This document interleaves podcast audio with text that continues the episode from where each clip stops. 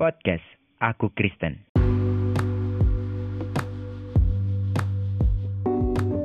Halo sahabat Kristen.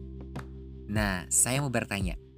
Apakah di antara kalian pernah tertawa atau bersyukur atau bergembira karena teman kalian jatuh atau dapat musibah?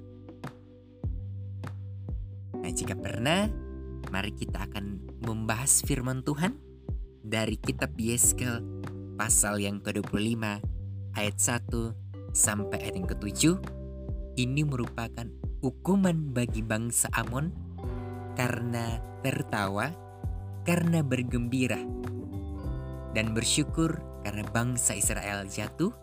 Akhirnya mereka mendapatkan hukuman karma Israel ya. Dikatakan di dalam ayat yang ke-6, sebab beginilah firman Tuhan Allah, oleh karena engkau bertepuk tangan dan mengentakkan kakimu ke tanah, dan bergembira dalam hatimu atas kecelakaan tanah Israel, oleh sebab itu, sungguh aku akan mengancungkan tanganku melawan engkau dan menyerahkan engkau menjadi jarahan bagi suku-suku bangsa dan melenyapkan engkau dari tengah bangsa-bangsa dan membinasakan engkau dari negeri-negeri. Aku akan memusnahkan engkau, dengan demikian engkau akan mengetahui bahwa akulah Tuhan. Bangsa Amon diserahkan, bangsa Amon dibinasakan dan dimusnahkan karena mereka tertawa karena mereka bersyukur ketika bangsa Israel dibuang ke dalam pembuangan ke Babel.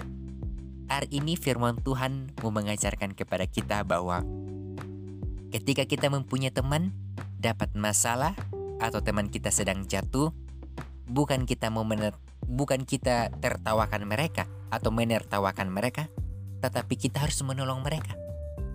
Jangan sampai kita menertawakan mereka dan kita juga kena kembali karmanya.